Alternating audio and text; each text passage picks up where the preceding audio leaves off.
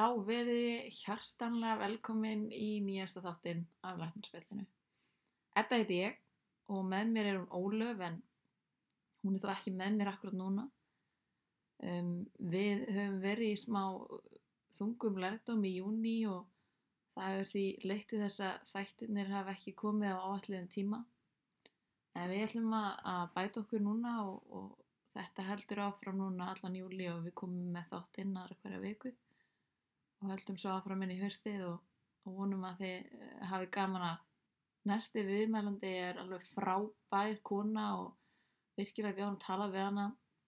Við Ólöf lærðum þvílíkt margt af henni og við vonum að, að þið fáið að vita eitthvað sem þið vissi ekki fyrir og að hjálpa ykkur kannski í framtíðinni. Einhver þekking sem hún mun koma með á borðið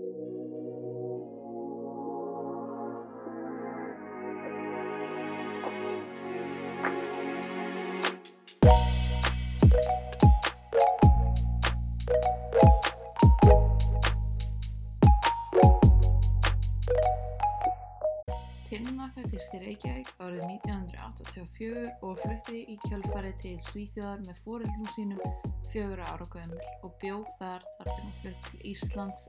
Hún útskrifaðist úr MR 2004 og fór í kjölfarið í læknisfræði við læknadild HÍ og útskrifaðist þaðan árið 2010. Tinna hóf störf á kvennadild landsbítalans og starfaði þar frá 2011 til 2013. Hún flutti svo til Svíþjóðar árið 2013 og hún nám í fæðinga og kvennsjúkdómalækningum í Háskólasjúkarhúsinu í Linköping til ársins 2015.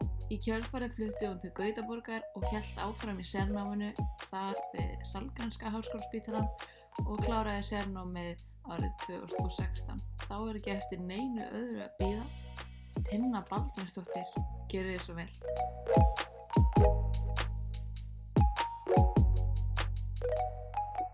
Vertu velkominn, Tinna.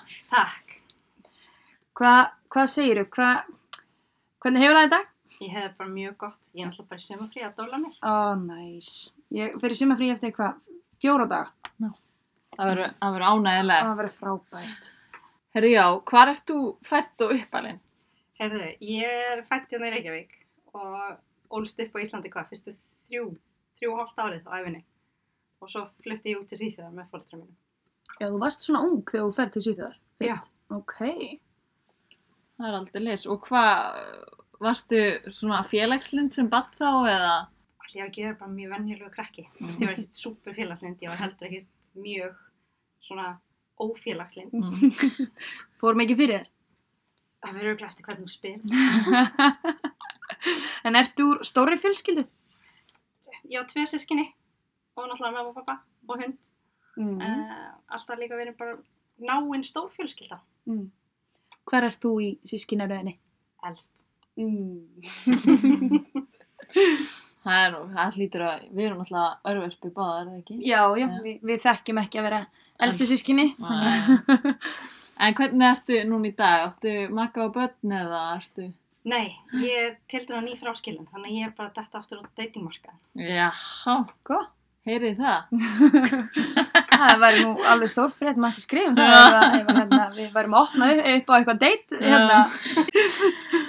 Heyrið, hvað, hérna, voru einhverjar fyrirmyndir svona í helbriðiskerunum hjá þér eða? Já, þess að mamma er í grunninn mentaður hjúknarfræðingur og pappi er læknir og afi var læknir, Mm. þannig að það hefur alltaf verið mjög nálæknir. Mm -hmm. Og áttaður þið snemma á því að þú vildi verða læknir eða langaði í hjúgrunn eða hvernig var þetta? Nei, það hef, ég hefur örugglega bara, þú veist, ég man ekkert eftir einu svona ákveðnu tilviki þar sem ég bara, aha, núna ætla ég að verða læknir. Mm. En ég get heldur ekki muna eftir einhvern tíma þar sem ég ætlaði mér það ekki. Það hefur einhvern veginn bara alltaf verið með mér. Mm. Ok. Já, ég tók svona tímabilið þegar ég var svona 13 ára þar sem ég ákveði alltaf að vera við, viðskiptafræðingur eins og móðsýst mín. Það því hún var alltaf í svo flottum fötum. Ah, En Já. annars hefur þetta bara einhvern veginn alltaf verið með mér. Já. krakkar hugsaði mér alltaf svo mikið bara það sem er sjá svona fyrst, bara vá þetta er geggja, mér langar að verða svona, ekki? En veit ekki hvað endilega býr að baki vinninni, Nei. sko. Það kemur seinna. Mhm. En hérna, varstu þá í einhverjum íþróttum með einhverjum frístundum? Ég held ég hef prófað svona hér um bil allt sem hægt er að prófa en það var ekkert sem festist við mig. Nei, nei, ég skil þið. Einhverja prófaður mikið íþróttum eða eitthvað Ég, slúðis? veist, ég prófa allt, fótbolta, körfubolta, handbolta, dans, ballett, þú veist, og svo bara, ég veit ekki hvað það, ég bara festist aldrei í neinn. Nei, ég mitt. En ertu átt einhver áhuga mál? Já, ég hef náttúrulega maður verður náttúrulega að vera eitthvað fyrir þetta að vinna. Já. Ég les rosalega mikið, Mm. gaman að því að ferðast. Hvað ger ég meira? Ég rosalega gaman að mat og víni líka, Mm, mm fyrir út að borða og elda með vinum og svona. Ég myndi klálega að telja það sem áhuga mál. Það er eitt af topp 5 áhuga málum mínum. Er að borða. Já, Það er skemmtilegast. Það er svo gaman. það er alltaf skemmtilega að borða að elda, en ég menna, Já, ég er sem... maður verður að gera tóð, Eh. þú veist ekki að. Já. Nei, og svo er nýjasta dillan mín er ég er eitthvað svona að reyna að vera með græna fingur. Þannig að ég er eitthvað desperat að reyna að rækta eitthvað blóm á svölunum mínum með Ah. misgóðum Ég árangur. ætlaði að spyrja hvernig gengur. Það er svona misvel. Já. Þetta hlýtur að vera æfing. Það hlýtur að vera. Ég er nefnilega svona, einmitt, líka á báðmáttum. Þetta er, þú veist, með þetta. Það er annarkvort gerist eitthvað, það gerist ekki neitt. Það Já. bara, Það er í augnablikinu að gerast alveg ganga vel hjá mér hana. En ég reyndi við tómata Mm. og chili Mm. síðasta sumar. mm Það var ekki ekki að segja. Ég fekk alveg heila þrjá tómata og þeir voru svo vondir.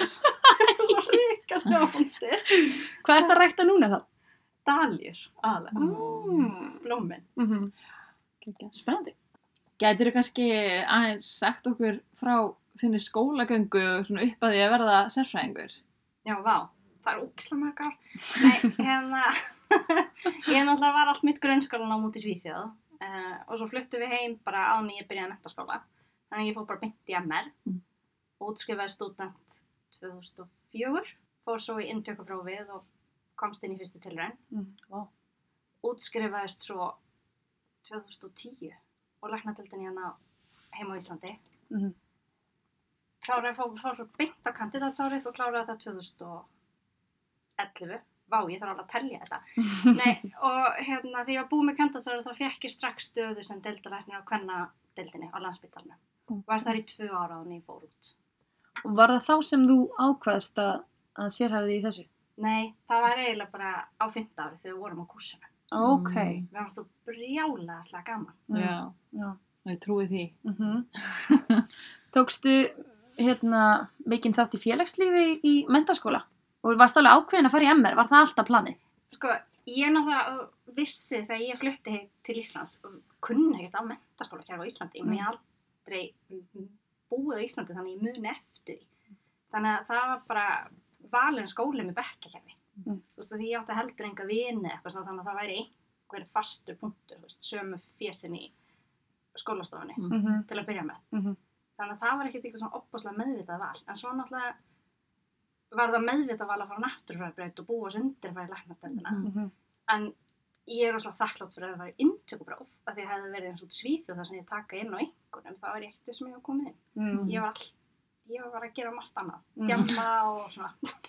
Já, bara, það er líka bara gott að gera það held ég. Já. Fannst þið þá MR góður undirbúningur fyrir inntökuprófið? Já. Jú, ég var á náttúrufræði eitt Mm. og við erum, ég þór ekki alveg að fara með tölunum. Ég held að við séum alveg tíu bekkisískinn úr bekknum mínum í MR sem fórum saman í læknadeldina. Já, tíu. Já. Það er margir. Og komið strax öll eða? Já, sko, ég, þú veist, takkið tölunum með smá fyrirveru, Já, við vorum alveg nokkuð mörg, sko. Ó, það er Það geggja. vorum alveg mjög mörg. Já. Ertu með einhver heilráð fyrir krakkar sem eru þá núna að læra fyrir inntökuprófið? Þar sem þú komst nú inn í fyrsta. Ha? Ekki láta liðið í kringum sem taka sá taugum. Mér fannst það held ég erfiðast við inntökuprófin, þá var þessi byð á milli prófa, þar sem allir voru að bera saman og eitthvað svona. Alveg Bara- sammála. Ekki hlusta á aðra og munna að skrifa nafni svo það réttast á. á.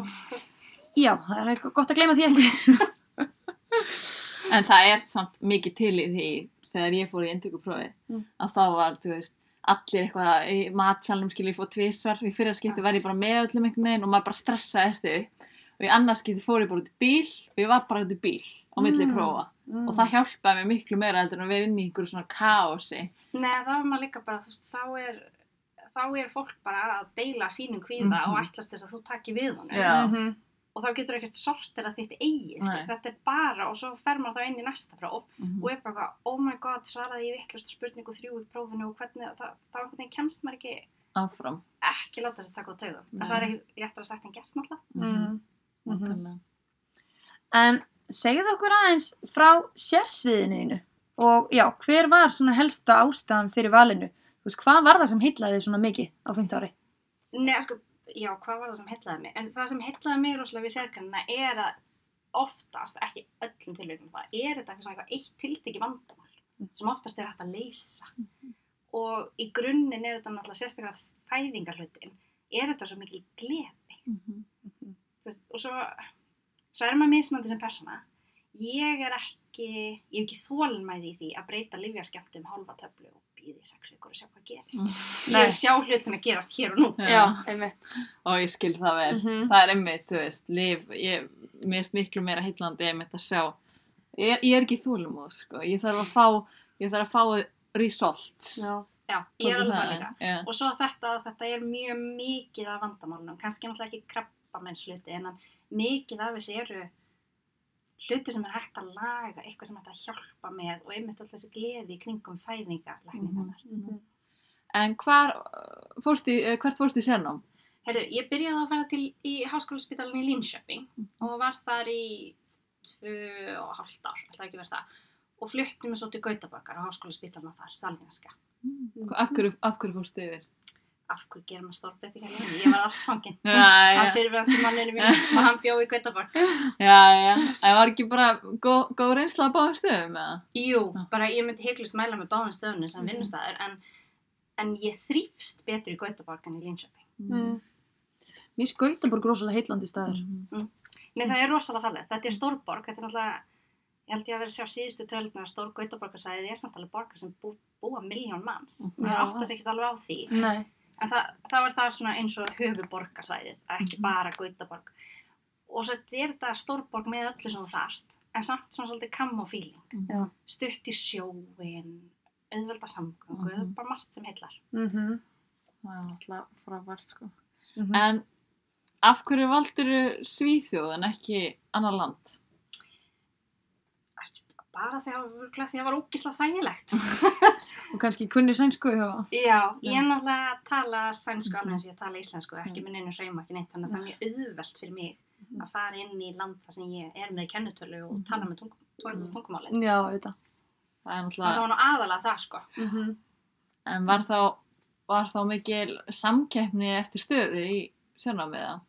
Sko, ég myndi segja það, ég veit að það er samkeppni um stöðunar í dag á háskólaspílunum sérstaklega, en ég, að ég veit ekki, ég er kannski eitthvað ókslega klúla stundum, en ég hérna, þegar ég fór að pæla í þetta með sérnámi, þá sendi ég bara e-mail á yfirlæknana á nokkrum spítunum þar sem ég geti hugsað mér að vinna á, ætlaði bara að fá að koma og skoða. Mhm. Og svo því ég var í Linköping, þá einhvern veginn rann upp fyrir mig því ég var búin að tala við yfirlæknið en það er í eitthvað svona örgulega korter. Það rann upp fyrir mig að ég var í atvinnuðtali. Ah, Ég var ekkert alveg búin að búa myndi það. ah. En það gekk ekki verið eins og hún bauð með stöðu. Ah, næs. Og var, var það bara, og þú stökkst bara á það? Já, já, Já. ég gerði það bara. Já. En það var svona, eins og ég segi, ég var ekki, fór þess að, að skoða þessa spítala, alveg bara til þess að skoða, til þess að reyna að átta mig á hvað ég vildi. Mm Og svo bara gekk það svona vel. Já. Og, þú varst ánað með námið þarna úti og uppsetninguna? Já, ég já. mjög ánum með hana. Mm Ok. Um, Hvað var námið langt og varstu þú að starfa með öðrum sérfræðingu sama tíma, eða? Já, sérnámið er náttúrulega bara eins og ég held í öllum klíniskum greinum að það er meira að minna bara starfsnám allan tíma. Eh, Þetta er fimm ár í hversjótama á fæðingarlækningum og svo ef maður ætla að sækjum sænst sérnámsleiði þá er þetta ákveðna kröfur sem yfirvöld setja. Þú þarft að fara ákveðna kursa og gert sem sagt unni líka á öðrum deildum. Ef maður er í sama sérnám og ég þá þarfstu til þess að hafa unnið á skurðlækningadeild og þvakkfæralækningaskurð eða þvakkfæraskurðdeild Mm. og svæfingadeild eitthvað smá tíma svona til þess að fara inn á þau Mhm. svið sem koma nálægt okkar sviði. Ég er, ég er búin að velta þessu fyrir mig mjög mikið út af því að þú veist, maður, ég heyr alltaf bara um það að þegar þú ert í sérnámi að þá, ert, þá er ógeðslega mikið um það að þú ert bara á spítala með sérfræðing og eitthvað en ertu í veist, skriflegum prófum Það er rosalega misjæft held ég eftir hvernig kursa þú ferð á. Mm. Þetta er ekki skrifleg próf, þú veist, bara á einhverjum mánudegi af því bara. Mm. eh, mest er þetta bara að vinna Mhm. með handleðslu frá sérfræðingum og öðrum kollegum Mm. og sum af þessum kursum sem ég fór var á voru svona í lokin á þessum þryggja daga eða daga kurs að það var eitthvað svona smá popquiz bara þess að fylg tjekka á að maður hafi Læ- Mhm. eh, lært eitthvað mhm. svo er í Svíþjóð búið upp frá sérgreinafélaginu er búið upp á sérfræði próf Mhm. það er ekki skilda samkvæmt yfirvöldum en lang flestir fara í það prófið bara til að tjekka er ég að uppfylla þær kröfur sem ég þarf að þarf. Þannig að það var eiginlega svona eina alvöru prófið sem ég fór í í sérnáminu. Hvernig er það, þú veist, að taka fyrsta skrefið, gera, þú veist, stóru hlutina eða skilur að taka yfir, þú veist, hvernig varst alveg tilbúin í það þegar þú áttir að gera það í náminu? Ég, sko, máli er það, það, það er aðeins öðruvísi hérna á Íslandi, Mm. þá ertu með náttúrulega mjög færa sérfræðinga oft bakva, með bakvaktarhæfni og svo ertu með kandidata og deildalagna sem eru búin að vinna kannski 1-3 ár. Og svo er bara þannig gat á milli.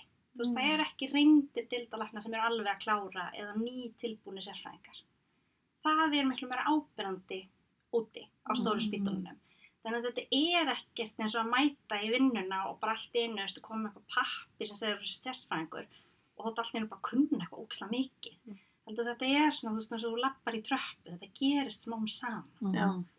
Það er ekki þannig að maður bara mætir í daginn og getur ekki neitt og svo næsta dag komur svo að þeir eru bara, þú átt að gera tvo keisaðaskurði í dag. það er ekki þannig. Nei, nei.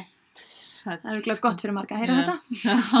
En, en það, maður áttar sig ekki á þessu að það vantar þarna aðeins í hérna reynslu þrepin Mm. á spítalunum inn á Íslandi. Mhm. En hvernig var hérna vaktaálega hérna úti? Er það meira en hérna heima eða? Svo, ég er náttúrulega ekki unni hérna heima í bara mörg ár uh, og það hafa gerst rosalega breytingar á hvernig vaktinar eru þannig ég kann það ekki alveg en ég myndi segja að vakta álagið sé mjög svipað en ég líka er í sérgrein sem er með þeim vakta þingri uh, en manni finnst það ekki vera alveg mikið átta álag að því að maður vinnur sér inn svo mikið frí með vaktunum Mm. Hvar starfar þú í dag? Í Gautaborg, Sálgrenska Mm. Og Þú ert, þú ert ekki tilbúin að koma heim? Nei, ekki, ekki alveg eins og er. er eitthvað sem þú hefði viljað vita áður en þú fórst í þessu sérgrein og hvaða var sem kom þér svona helst og óvart á? Ef maður alltaf starfsnámið hérna á kvennadeildinni var alltaf þannig að þegar ég var að læra var rosalega gott, þannig að maður sáfóða mikið, þannig að það var, en það sem ég hefði, var svona kannski svolítið óundibúin, það er þetta að maður sér fæðingarlakna hlutum, maður sér opaslega mikið gleðina og það er nýbönn fæðast og þetta, að það sem ég hefði kannski viljað vera betur undirbúin undir, en ég veit ekki alveg hvernig maður á að búa sig undir það, það er, það gengur ekki vel. Það alltaf kemur fyrir að batna er í maganum án þess að það hafi, án þess að maður finnist nokkuð skýring á því. Og það er að vera sá aðli sem horfir framann í verðandi fóraldra og tilkynni þeim það að batnið sér dáið í maganum. Það er ekki, ég, ég hefði svo gjarnan vilja vera betur undirbúin undir það. En það er ekkert, ég er henni sem býr mann undir það. Nei, Sennilega, einmitt, er ekki hægt að undirbúa fólk neitt undir það, bara engan. nei. Nei, ég meina lífið er bara, þú veist, bæði lífið prívat og í vinnunni, það er rússi bara, þú veist, maður getur ekki þar að haft stjórn á því. nei. Það verður ekki alltaf eins og maður ætla sér, maður verður bara aðeins að læra swing it eins og það kemur. Nákvæmlega. Þú veist, ég, þetta hræðir mig, eða svolítið, eða þú veist, ítir mér smá frá þessari sérgrein út af akkurat þessu, að það finnst þetta svo rosalegt En, en það hináttina. kemur svo opaslega margt Í, Í staðinn. staðinn, Já. Já, að því að þó og þú sérst kannski manneskja sem sérst að segja þeim þetta og það er Mm. ofbáslega þú. Mhm. Sérst, það, það er ekki auðvelt fyrir læknin en það er ekki, þú veist, það er ekki að sér Nei. það sem fólki er að ganga Nei, einmitt. En það er líka þó að það sé þungt og erfitt að Mm. einhverju leiti gefandi Mhm, þegar þú getur verið sá aðli sem að einhverju leiti mhm. getur hjálpa fólki í gegnum þetta. Já, Þú getur ekki gert allan hlutan, alls Nei, ekki, Nei, þó það sé ekki náttúrulega bara brota brota því, ef þú Mhm. gert eitthvað til þess að hjálpa þig, já, já, þá gefur það rosalega tilbaka líka. já. Greinlega í, í alveg réttu stafinu, held ég. Hvar getur einstaklingur sem hefur áhuga á þínu sessi afla sér upplýsinga um sem segir þá. Mhm. Ertu að pæla svona faglegar upplýsingar eða meira hvernig er að vinna í starfinu? Bara hvernig til dæmis viðkomandi getur nálgast, nálgast fara í nám eða valið sér nám þá sótt um nám. Það er náttúrulega til alls konar svona stór samtök. Það er EBCOC sem eru Evrópsku samtökin, SFOG eru sænsku sérkjörna fyrir hérna, samtökin og svo er FIFK það, hérna, og EIKOK og RKOK eru með alls konar svona upplýsingar um þú veist hvað kröfum maður á að uppfylla og svona. Og SFOG er með mjög skýrar leiðbenningar og Ok. þetta átt að kunna og þetta á að gera og svona. En langeinfaldasta leiðin náttúrulega held ég ef maður er að verulega í þessu er að tala við eitthvað sem er í fænu eða eitthvað sem er í sérnáminu. Heyra alveg aðeins hvernig er og svo leis Mhm. Góð punktur. En hvað finnst þér svona mest spennandi við sérgreinina? Eða svona skemmtilegast að gera í vinnunni? allt má segja það Já. já, nei, ég með það er alveg á réttum stað í sérkenni og finnst vinna mín óbóðslega gaman Mm. en það er náttúrulega alltaf óbóðslega gaman að fá að taka á móti banni Mm. Ég held að þann dag sem er hættur að finnast að töfrum, eða þú veist það töfrar yfir mómentinu þegar Mhm. kemur nýjir einstaklingur í heiminn Mhm. þá á maður kannski að fara að pæli að gera eitthvað annað Já. Já. En við fórum kannski svolítið í það hvað væri erfiðast Já. og það er auðvitað bara það sem þú segir á hann, eða ekki? Það, það, það eru þessi erfiðu tilfelli Mhm. og það, það getur verið annað líka ég meina það er heldur það, það getur verið margt annað líka ég vinn hóa mikið við fóstugreiningar og svo leiðis og það er alltaf líka þá þau tilvík að fólk kemur í í sónaskoðun og, og þú veist að fara að segja fólkinu frá að það er alvarleg fóstugalli það er líka í þessu s- sviði við það sem er erfitt Já, Já. ummitt. En ef þú getur farið aftur í tíman, myndur þú velja aftur þessa sérgrein? já, já, alveg hitlust Þú ert semst alveg á réttri hillu. ég held það Núna eru kannski margir að hlusta sem hafa ekki mikla þekkingu á læknisfræði eða þá bara í þinni sérgrein. Já. Getur þú útskýrt svona bara í stuttu máli hvað nákvæmlega fæðingar og þá hvern sjúkdómalækningar eru? Í rauninni er þetta sama sérnám mm -hmm. það, og það tengist í rauninni líffærum hvenna. Mhm. Hvern sjúkdómalækningar, það er meira, veist, að alla konur fara í legstróng Mhm. til þess að leita eftir frumbreytingum. Það er eitthvað sem hvern sjúkdómalæknar gera. Ef að konur þurfa að fara í legnám af einhverja ástæðu eða er með blæðingatrublanir, þurfa getnaðvarnir, ef maður ef einhver ástæðu vil fara í meðgöngurof, þá er það eitthvað sem hvern sjúkdómalæknar aðstöða við og svo færist þetta náttúrulega yfir í þá líka þetta að aðstofa konur á meðgöngu í gegnum fæðinguna og eftir fæðinguna. Mhm. Það er í rauninni það sem hvern sjúkdómalæknar er í rauninni bara allt því sem fylgir því að vera kona. Gó- Góða punktir. En stóra spurningin, hvernig var tilfinningin þú tókst á móti fyrsta barninu sem þú hefur tekið á móti? Ógleymanleg. En ég var alltaf líka ógeðslega stressuð.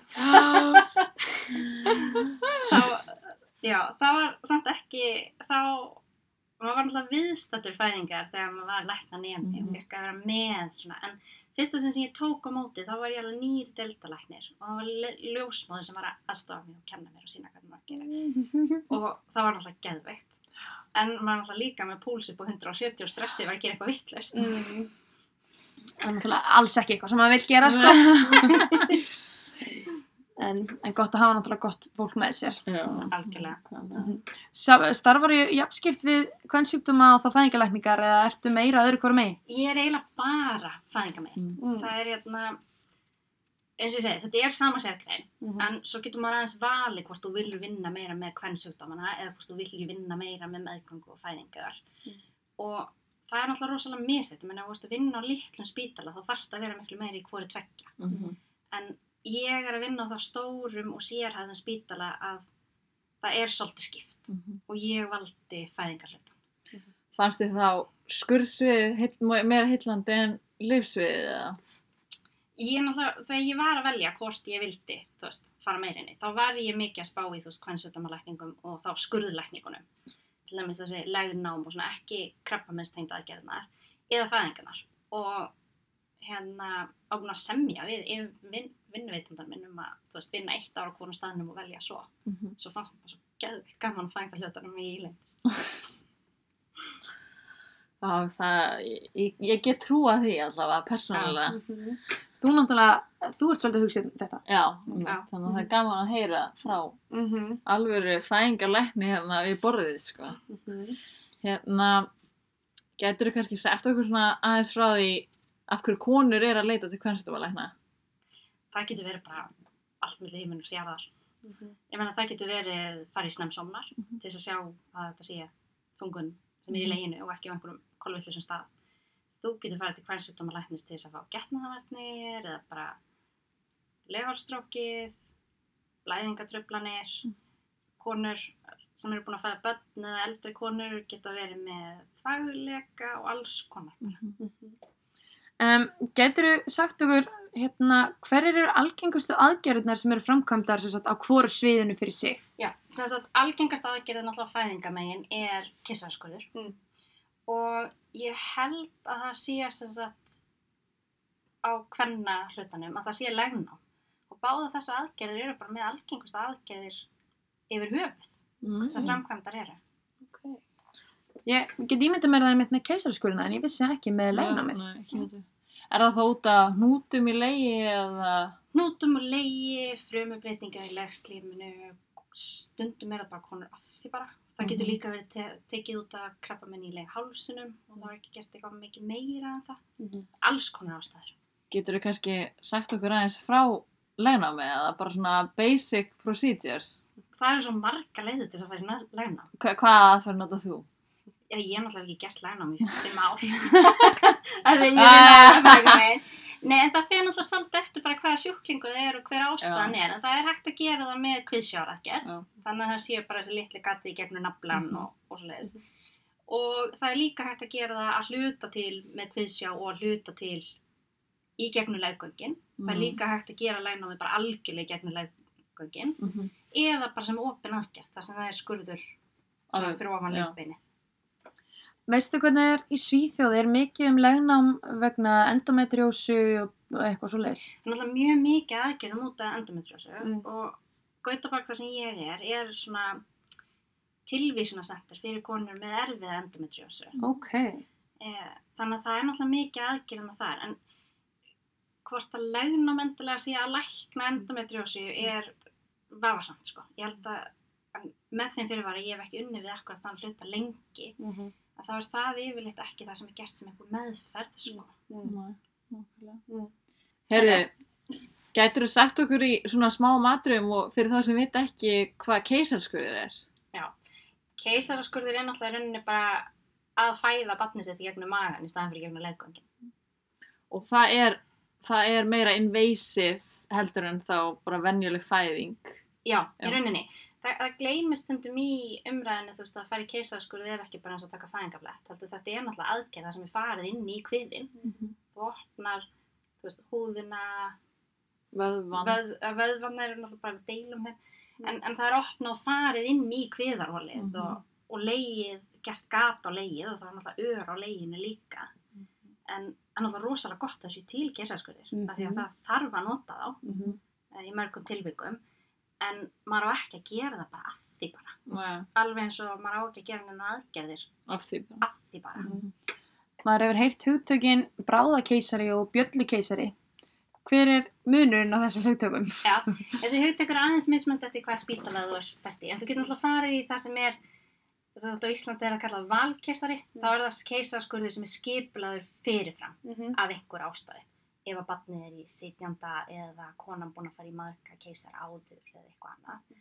Svo er bráðakeisari, þá er það að því að það er kona sem er í fæðingu og það þarf að koma barninu út að einhver ástæðu. Svo getur hann verið mis, getur leiðið mismikið á því. Það getur verið til dæmis kona sem átt að fara í valkeisara en vatnið fer fyrir sett daginn sem hann búið ákveða. Mm. Eða þá að það getur verið táknum að barnið sé ekki að þóla fæðinguna og þá þarf að koma því út. Bjöllukeisari er þegar það er orðið alveg svona bráða, bráða, bráða, barnið þegar bara að koma út núna. Já. af einhverja ástæðu. Tímamörkin sem sett, sem við setjum á svo keisara hjá á salkrenska það sem ég er að vinna að þá tölum við um sem sagt, ekki bráðan bráðakeisara hljóma fárálega því ég segi þetta svona en sem sagt, að, að þá er þetta keisari sem þarf að gera það getur ekki beðið allt og lengi en við erum ekki í rauninni tímapressu Mm.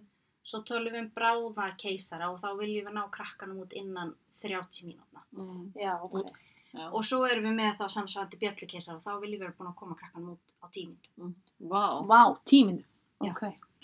En hvað eru þá svona helstu komplikasjónir hjá konum eftir keisarafæðingar og svona? Og eða þá bara í aðgerð, er einhverjar svona komplikasjónir þar? sko eftir keisaran er náttúrulega lang, lang algiskasta fylgikvillin er sýking og þá er það algengast náttúrulega að færa sýkingu í húðina eftir Mm. aðgerðina Mhm. algengari hjá bráðakeisarunum en, en valkeisarunum svo er náttúrulega, þú veist eiginlega alla konur fá hæ- hægðatræðu Mhm. og vindverki eftir aðgerðina líka eh, en það getur líka svona til langstíma geta þær fengið verki króniska verki í kviðnum og svona að það sé kannski ekki svo algeng Mm.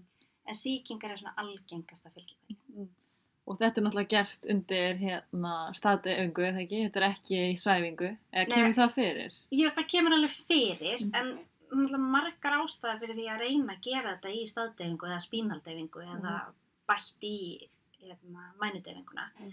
En náttúrulega fyrsta lagi er rosalega stórt að eignast barn. Mhm. Vilja náttúrulega flesti vera vakandi og viðstattir. Mhm.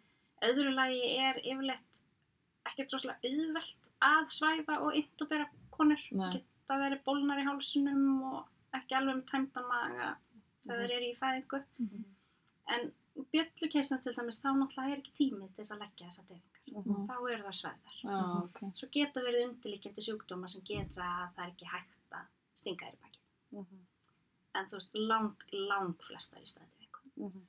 Svo líka, hérna, ég fór nú í, í hjúkunarsfræði eitt ári í, í hérna, Háa, lærði fósturfræði og fór til uh, fóstur, hérna, í fæðingarlæknisins hans Alexander á Akureyri, hann frábær. Hann var að se, segja okkur frá hvað er mikilvægt að rannsaka fylgjuna eftir fæðingu og þá að sé allir bútar úr fylgjunu komnir út. Hver, hver er svona ástæðan á baku það að geta sett fólki svona? Já, nei, þú veist, það fyrst náttúrulega fæðist batnið og svo er kliftu naflastrengurinn og, og svo kemur fylgjan. Mhm. Eh, og ástæðan fyrir því að maður skoðar fylgjuna, það er náttúrulega sjá að hún sé heil, að það vanti ekki lítinn bita úr henni. Það er ekki því að það er mjög sjálfgæft að það sé eitthvað skrítið með fylgjuna, Mhm. eitthvað frumubreitingar eða eitthvað þess, það er bara mjög sjálfgæft. Mhm. En ástæðan fyrir því að maður tekka hvort hún sé ekki heil er að því að ef það eru einhvern bita fylgjuna eftir í leginu hjá konunni, þá getur það auki líkurnar á sýkingu eftir Mhm. fæðingu, en líka auki líkurnar á að það verði komið blæðing, stór blæðing, annarkvort til til stutt eftir fæðinguna eða einhverja daga eftir. Þá frá leginu eða? Frá leginu, sko. En hérna, hvernig framkvæmið þið fæðingu eftir fósturlát og hvernig er allt ferlið í kringum það? Sko, það fyrir alltaf eftir, það fyrir rosalega mikið eftir hvar á meðgöngunni konan er. Mm -hmm. Að, ef þetta er bara sem sagt, fóstur lát snemma í meðgöngunni, tíu eða nýju vikur eða eitthvað slags, þá er ferlið bara mjög svipað og þegar það er gert meðgöngurof. Mhm. Þú fær töflur, eh, hormonatöflur, sem gera það að leið dregur sér saman og tæmir Já. tæmi sig. Ef þú ert að tala um að það er fósturlát sem þetta bat sem deyr í maganum seint á meðgöngunni, að þá er náttúrulega framkölluð fæðing. Það nota sama hormóna lifið bara í allt öðruvísi skömmtum. Þá er það bara eins og fullburða fæðing. Það er þá oxytocin, hann að, Nei, það heitir hérna mísoprostol. ok, Oxytocin er náttúrulega kannski líka nota þegar það eru fæðingar sem eru sett á stát á fósturláti eða deyr í maganum seint á meðgöngunni mhm, sem hríða já, kveitjandi. mhm, akkurat. Hvernig er ferlið svona eftir þetta fósturlát þá sem að framköllu fæðingar er gerð? það er líka náttúrulega misett eftir hans eftir löndum hvaða reglur eru kringum fóreldraréttindi og veikindadaga og alls konar svo leiðis og fyrir náttúrulega líka rosalega mikið eftir hvenar á meðgöngunni það gerist. Mm Eh, En þá svona eins og setna, er þá, eru þið að, að hjálpa fóreldrum að leita eftir sálfræðilegri aðstóð eða? Já, ég held að það hafi náttúrulega langflest spítala sem þegar fólk er að missa barnið seint á Mhm. meðgöngunni sko bara fyrirfram verkferðla kringum það Mhm. en, en það sem ég er að vinna þá er það alveg við hérna komum fóreldrunum í samband við félagsfræðinga sem hjálpa þeim með tryggingamálin og allt þetta og sjáum um að sjúkraskrifa ef að þarf er hal á og, Mhm. og hérna eru bæði náttúrulega hérna prestar og ímannar og, og sálfræðinga tengdir spítalinum sem geta hjálpa fólki. Um, í hvaða tilveikum þurfið þið þessast fæðingarlæknar að sjá um fæðingu bars í staðin fyrir ljósmaður? Sko, bara margar að stað. Nei, en ég meina, í Svíþjóð alveg eins og Íslandi þá eru ljósmaðurnar mjög vel mentaðar. Þannig, ég meina, hraust kona sem er með eðlilega meðgöngu og eðlilega fæðingu er rauninni sjaldan sem þær þurfa á lækna að hitta. Af því að það bara sjá ljósmaðurnar um þetta. Mhm. En okkur læknar koma að fæðingum, það er líka rosalega misjátt. Ég meina, ef það er eitthvað bráða tilvik að það þarf að taka krakkar með að hjálp, flýta fyrir fæðingum til dæmis sem sóklukku, þá er það að lækna sem gera það. Ef að það er langdrein fæðing og eitthvað svona, þú veist, þá hjálpust við að. Þá vinnur, vinna ljósmaður og læknar mjög mikið saman. Mhm. Og bara því að það kemur læknir nálægt fæðingunni, er ekki endilega því að það sé eitthvað að, heldur Mm. að það sé samvinna. Já. Ég er til dæmis á vokskólinn þegar maður er fæðingalæknir og er oft í fæðingunni þar sem er ekki allt alveg eðlilegt þá getur verið rosa auðvelt að gleyma öllu þessu sem er algjörlega eðlilegt. Mhm. Þannig að það eru nokkra ljósmaður sem ég er að vinna sem veit að mér finnst rosa gott að jafna vokskálanar. Þannig að það ringja stundum í mig bara til að lega maður að taka á móti í algjörlega eðlilum fæðingum. Ok, vá. Bara svona að því bara. Já, geggja. En hvernig er þá uh, ferli að taka á móti tvíburum eða bara þrýburum, fjórburum, fjöl, fjölburum bara almennt? Er, er alltaf keisaraskurður? Nei, alls ekki. Mm. Það er sérst, ef það eru þrýburar þá er það náttúrulega kísaraskurður. Mm -hmm. eh, allavega það sem ég er að vinna hvort að það er mælt með keisara eða venjulegri fæðingu við tvíbura það er náttúrulega fyrir sjálfsög eftir hvað kona er ég menna ef hún er búin að fara í marga keisara áður þá erum við ekkert að það setja hann í gegnum venjulega fæðingu Mm. mm. þá bara keisari en annars er þumalbjörna reglan svo ef að sá tvíburu sem er lengst niður Mhm. mm -hmm. næst hérna útganginum eða hvað maður að segja er með hausin niður að þá Mhm. mælum við með venjulegri já. fæðingu ok. Eru margir sem að frekar sérst, í, með fjölbara að vilja frekar taka keisara? Eða? Það er misjæft, ég myndi segja allavega á langflesta konur, mann þarf að tala við þær. Mhm. en mér finnst langflesta konur fylgja þeim meðmælum sem þær fá. Mhm. ef að maður er bara með öll kortin á borðinu og segir bara eins og er af hverju við mælum með því? og, og svona. En er þá meiri eftirfylgni hjá konum sem eru með fleiri en eitt bann? í maðunum Já. já, já, já, alveg klárlega uh, og það fyrir náttúrulega líka til hvað það er þjætt eftirlitið, fyrir náttúrulega svolítið eftir líka hvort þetta eru tvíburar sem eru með sikkura fylgjuna eða Ah. deila fylgju en, en það er klárlega meira eftirlit með tvíbura meðgöngum eða fjölbura meðgöngum en ef það er bara eitt En kemur það þá ekki fyrir að hérna, e- einn tvíburinn kannski fæðist bara venjulega en hinn þurfa að vera tekið með keisaraskurði? jú, jú, það kemur alveg fyrir Ég er alveg heyrt það, sko. Ég aldrei. Ekki, nei, ég, að það, það kemur alveg fyrir já. Mhm, mhm. Er einhverjar aðrar aðgerðir sem þið framkvæmi í fæðingalækningum aðrar en keisaraskurðir? við náttúrulega sveimum fæðingar yfir stórar og smáar Já, er það, er það helsta svona? það er svona það helsta sem við gerum upp á skurstofu og svo Mhm. náttúrulega ef það er fylgja sem er föst sem við þurfum að sækja þá gerum við það líka Mörgum finnst rosalega óhugnalegt að heyra þetta með veist, en þetta er miklu algengara heldur en að margur gerir sér grein fyrir. Sko, ég myndi vel að segja að það er frekar sjálfgeft að kona sem fæði sitt fyrsta barn fái enga fæðingarifur Mm. en flestar fæðingarifur gróa vel Mhm. ef það eru saumaðar saman Mm -hmm. eh, og yfirleitt ekki miklir fylgjumillar Mhm. svo náttúrulega munur á fæðingarif og fæðingarif það geta náttúrulega líka verið mis stórar og mis alvarlegar Já. Og hvað, hver er ástæðan fyrir því að það koma stundum alveg mjög alvarlegar rifur, þú veist, en stundum bara eitthvað pínu lítið? Hver er helsta ástæðan?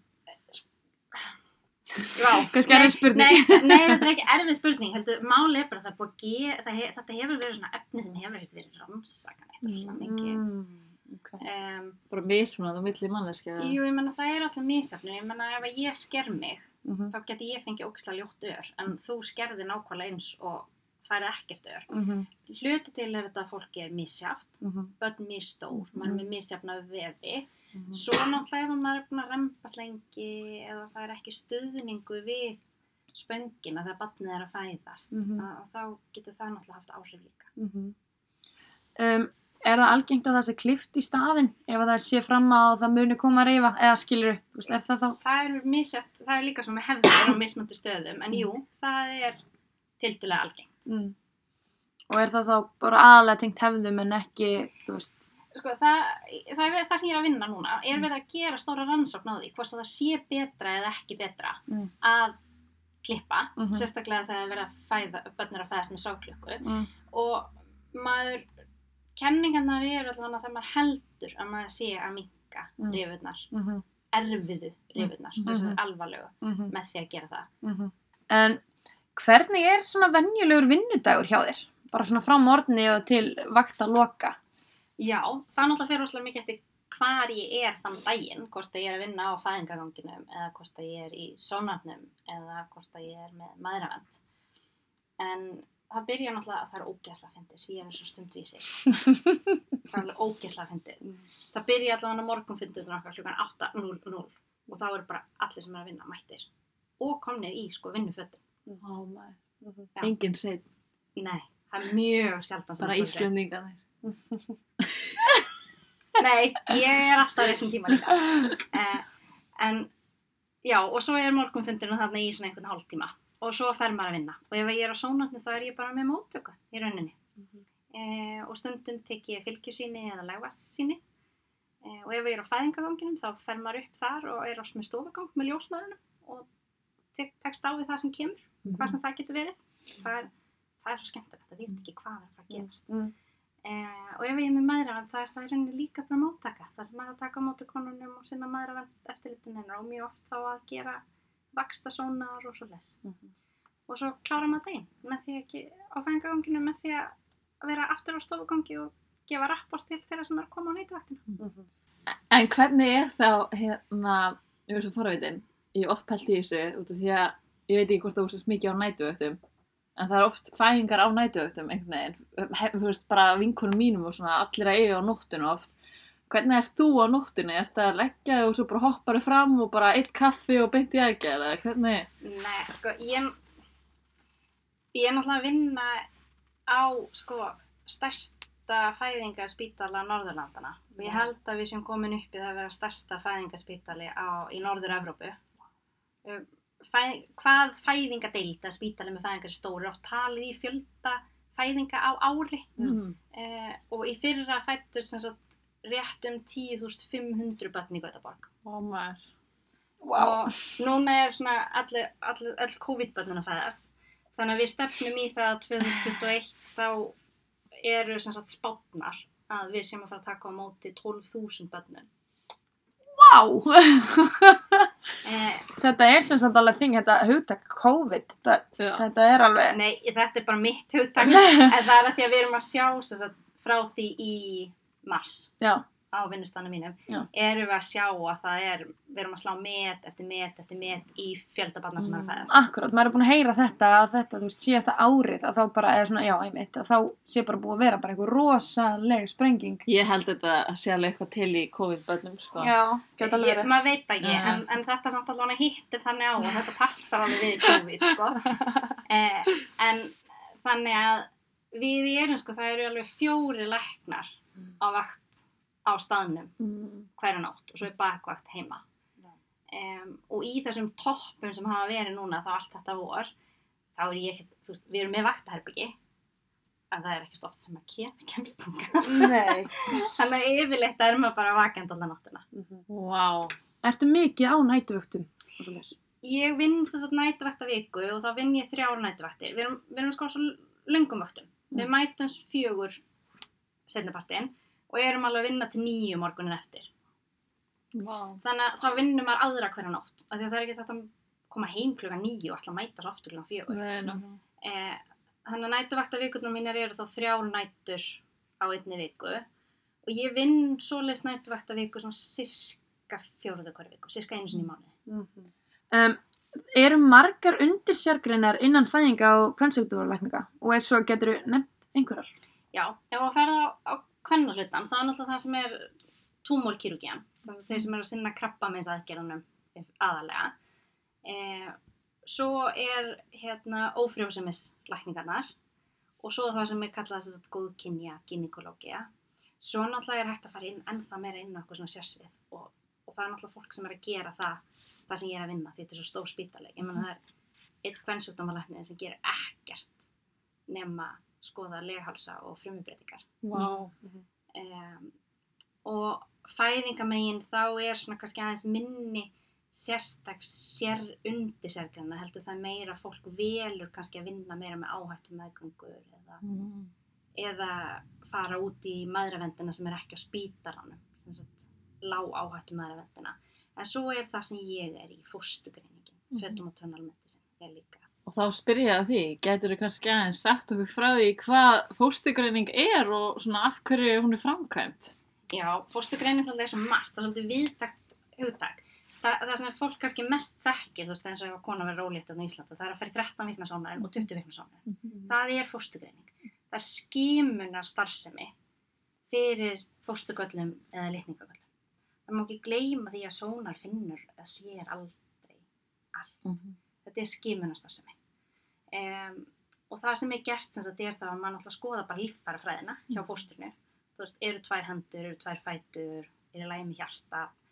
Það sem við getum skoðað og það er gert sem sagt bæði þá 13 sonum og svo e, sér mann alltaf miklu meira 20 sonum svo getur það verið e, líka að fylgjast með áhættu meðgöngum eins og tvíburum að þeir vaksa eins og þeir eiga að gera. E, eða ef að kona með undirlíkjandi sjúkdóm sem gerir að maður hefur, hefur áhyggjur af því að barnið eigi ekki eftir að vaksa eins og ætlas skildi eða svo. Um, það er líka til þess að maður þarf maður aukna áhætti 13 vikna sónunum og þá gefur hægt að gera legvarsýni eða fylgjusýni. Í- Það er það sem við gerum líka og þá er náttúrulega kíkt á litningana. Og svo ímislegt, þú veist, ef það kom, kemur upp og eitthvað setna á meðgöngunni þar sem þarf að fylgjast ekstra með barninu. Að það er náttúrulega er unnið rosalega mikið með sónar til þess að geta sík góða barni. Og þú ert að sinna í raun öllum típum af sónar, ef þetta eru 13 og 20 og bara allt saman. Já. Um, með hvaða öðrum starfstjettum vinnur helst og hvernig þú veist er samstarfið? Já, við náttúrulega vinnum sem fæðingarlækna vinnum við náttúrulega rosalega mikið með ljósmaðurina Mm. eh, og vinnum alveg heilmikið með sjúkraliðanum sem eru á fæðingardeltunum hjá okkur líka eh, og svo náttúrulega mjög náið samstarf líka á milli fæðingarlækna og svæfingarlækna það er þeir náttúrulega hjálpa okkur alveg heilmikið. Eh, og líka gott samstarf við hérna, nýburalæknana bæði þegar við vitum að það er að fæðast börn sem koma til með að þurfa aðstóð en líka ef það kemur upp óvænti hlutir eða fæðast fyrirburar og svona. Þannig að það er svona kannski helstu starfsettunar. Þannig að eru nýbúralæknar, þeir fræða sig ekki í fæðingarækningum. Þeir fræða Nei. sig bara alveg sér. Já, þeir eru rauninni í grunninn barnalækningar, Mhm. barnalæknar Mhm. sem eru þá sérhæfa sig í nýburalækningum. Ég segi oft svona djóki þegar fólk fer að spyrja mig að þú veist, ég er ógislega góð, ég veit hvað maður að gera ætlum að klippa nöflastrengin, Já. taka barnalækningar. Það var bless, bless. Já, kannski ekki alveg, en þú veist, þá, þá er barnið komið meira og þá eru þeir finkari. Mhm. Það er bara þannig. Þá er rauninni, þú veist, þið hugsið um, um mæðurnar og, og nýbúrlæknarnir taka við börnunum. Já. Ok. Hvað, hvað hefur helst breyst í fæinu síðan þú byrjaðir? Vá, vá, nú liður mér þessi í hundra ára. Nei, Nei það hefur svo sem ekkert neitt svona stórt breyst þannig. Mm. Það er, menna, konur fæða börn, hvað- þú veist. Það koma nýjar kenningar um hvernig er best að koma í veg fyrir fæðingar yfirnar og um, en það sem ég finnst kannski stærsti munun á eru líka svona hugafar, allavega nút í Svíþjóð, kringum, þú veist, hilstætt líta á hilsu hvenna. Mhm. Að þetta sé líka meira andlegt og, og svona. Það finnst mér að vera munur. Já, heyrðu, þetta er búið að vera mjög fróðlegt og skemmtilegt. Mhm. Hérna, svona að lókum, ef það er einhver hér sem hefur áhuga á þínu sessu, svona eins og ég, Mm. eða læknisfræði almennt, hvaða ráð væri þau helstu sem þú myndir vilja gefa viðkomandi? bara go for it ef það er eitthvað sem þú veit þá bara gerur það ég meina og finna rétt að sérgrein ég ég er búin að vera handlæður fyrir deildalækna í okkur núna í nokkur ár og og þú veist, að finna þá sérgrein sem maður vil fara í þú veist, það er svona pínus að finna fullkomni gallabúsna stundu þarf maður bara að máta og átt að segja að þetta er ekki fyrir mig Mhm. Góða búndur. Mhm. Takk kærlega fyrir komuna. bara takk fyrir að ég mætti koma Heilsa og útlit er heilræn heilsulind með fjölbreyttri þjónustu. Megin markmið þeirra er að hjálpa einstaklingum að bæta heilsuna og hlúa líka má sál. Hjá þeim er mikið úrval af meðferðum og þær allra vinsalist í dag eru súrefnishjálmurinn, sogaðstígvilinn, vakusport og vakumet á samt fjölmörgum andlits og líkansmeðferðum. Sogaðstígvilinn hjá þeim bæta blóðflæði líkamanns og vinna um leið á að sletta húðina og minka umálið samhliða að veita sterka forvald gegn æðasjúkdómum. Þau nutta frá iljum upp um bjöðum og vekja æðakerfi líkamanns. Verndarhjúpurinn er infrarauður bekkur þar sem gestir geta valið hitastíði við þeirra hæfi, allt frá stofi hita upp í 76 gráður og meðferðin veitir einnig róandi, vöðvaslakandi hitanutt, eigur súrfnisupptöku og brennslu, er verkeljósandi og veitir hugar á. Heilsa og útlitt eru til húsa hlýðasmára 17 og þeir geti fundið nánari upplýsingar um allar meðferðir inn á heilsaútlitt.is. Já, þetta var hún Tinna Baldvinsdóttir, um, frábært að fá hana til okkar og gaman að tala við hana. Vonum að þið hafið mitt tekið einhverja þekkingu frá þessu samtali og, og vonum einnig að þið eftir að subscriba við þættin okkar á öllum helstu hlaðarsveitum þá getið þið séð hvernig næstu þættir koma. Takk fyrir í dag.